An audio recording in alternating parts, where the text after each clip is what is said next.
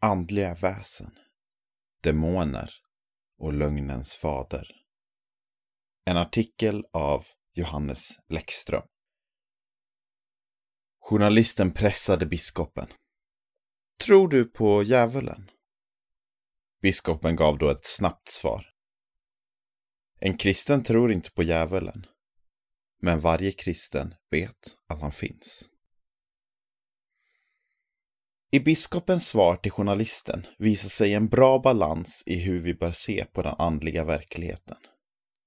Å ena sidan ska vi inte fascineras av djävulen och ge honom för stor plats i vårt tänkande.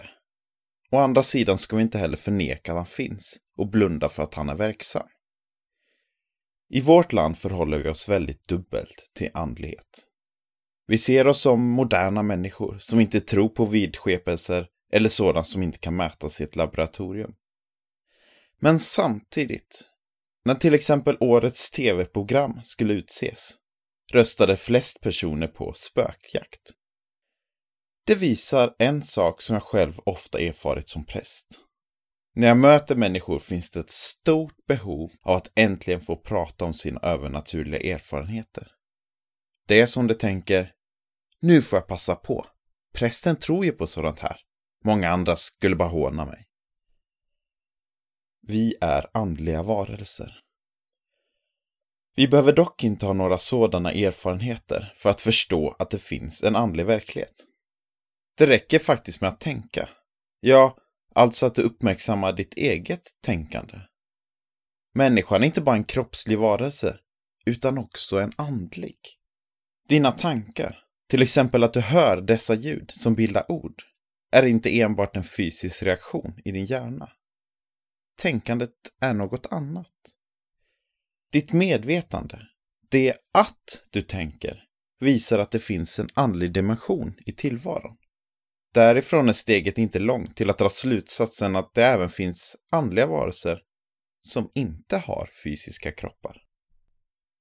Överlappande verkligheter. Bibeln berättar att Gud, förutom att skapa en fysisk verklighet, också skapat en andlig. Den andliga verkligheten beskrivs som himlen. Inte för att den skulle ligga i rymden, utan för att den är bortom det vi kan se. Samtidigt överlappar dessa verkligheter varandra och tanken var från början att vi skulle leva i direktkontakt med himmelriket. Bortom det vi kan se, i himlen, finns Guds tronrum. Jesaja beskriver detta i en syn, då han får se det som vanligtvis är dolt för oss. Jag såg Herren sitta på en hög och upphöjd tron, och släpet på hans mantel uppfyllde templet. Serafer stod ovanför honom, var och en hade sex vingar. Med två täckte de sina ansikten, med två täckte de sina fötter och med två flög de. Och den ene ropade till den andre, Helig, helig, helig är Herren Sebaot. Hela jorden är full av hans härlighet. Jesaja kapitel 6, vers 1-3. Keruber och serafer. Här möter vi flera andliga väsen. Dels var templet där synen utspelade sig fullt med bilder på keruber. Dessa andliga väsen fick uppgift att vakta Guds närvaro efter att Adam och Eva syndat i paradiset. Första Mosebok 3.24. Samma princip fanns i templet. Faktum är att templet, som även var smyckat som en trädgård, symboliserade paradiset.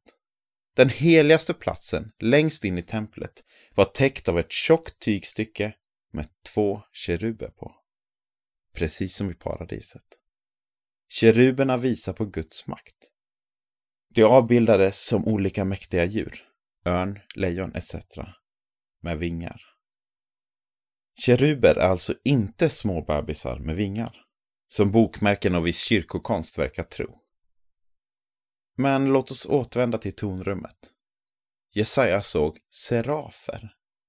Det är ett hebreiskt ord som betyder brinnande orm. Jesaja beskriver att de hade extra vingar som de täckte sitt ansikte och sina fötter med. Förmodligen för att Guds helhet är så stark. Vem är djävulen? Det finns alltså en hel rad med väsen. Men den vanligaste typen av väsen är det som vi kallar änglar. Bibeln beskriver hur vissa av dessa väsen vänt sig bort från Gud och nu försöker dra med sig människan i sitt uppror. Det kallas då demoner. Det upproret hjälper oss att förstå vad som hände i berättelsen om syndafallet. Första Moseboken kapitel 3. Här möter vi djävulen. Han är ett av Guds andliga väsen som vänt sig bort från Gud och som nu vill förstöra det goda Gud skapat. Djävulen använder sig av en orm för att förleda människorna. Hans främsta vapen är lögnen och han strider genom att förvrida vad Gud har sagt. Människan förleds och blir som en konsekvens utestängd från Guds närvaro. Satan idag. På detta sätt har djävulen, även kallad Satan, fortsatt att jobba genom historien. Han är lögnens fader och gör allt han kan för att förstöra för människor. Johannes evangeliet 8.44. En strategi han har är att anklaga oss för våra synder och få oss att tro att Gud inte vill eller kan förlåta oss. Ytterligare en strategi är att fresta oss att synda. Gärna genom lögner om att Gud inte vill vårt bästa med sina bud och att det inte är så farligt att bryta mot dem. Det finns många vanliga missförstånd om vem djävulen är. Det värsta är nog att tro att han är mäktig. När vi läser om Jesus i evangelierna ser vi hur demonerna kastar sig ner för hans fötter och ber om nåd. Djävulen försöker fresta Jesus i öknen. Se Matteus evangeliet kapitel 4. Men får ge sig. Jesus kommer med sanning där djävulen försöker föra in lögn. Till slut triumferar Jesus över alla ondskans makter på korset där han förlåter oss våra synder. På korset tar Jesus ifrån dem deras främsta vapen. De kan inte längre anklaga oss. Kolosserbrevet 2, vers 13 15. Vi behöver andliga vapen. Ett sista missförstånd är att vi ser djävulen som en röd gubbe med horn och högaffel. Om vi tänker så missar vi var striden står. Det är en andlig strid. Djävulen är inte en fysisk varelse som vi kan strida mot med vapen, utan en andlig varelse. Därför behöver vi andliga vapen. Striden sker i vårt tänkande. Det bästa vi kan göra är därför att ta på oss en andlig vapenrustning. Läser Fesierbrevet 6, 10-18.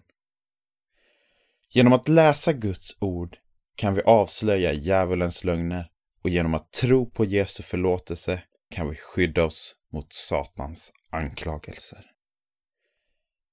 Vi ber. Tack Jesus för att du har övervunnit det onda genom din död på korset. Vi ber att du rustar oss mot djävulens angrepp. Amen.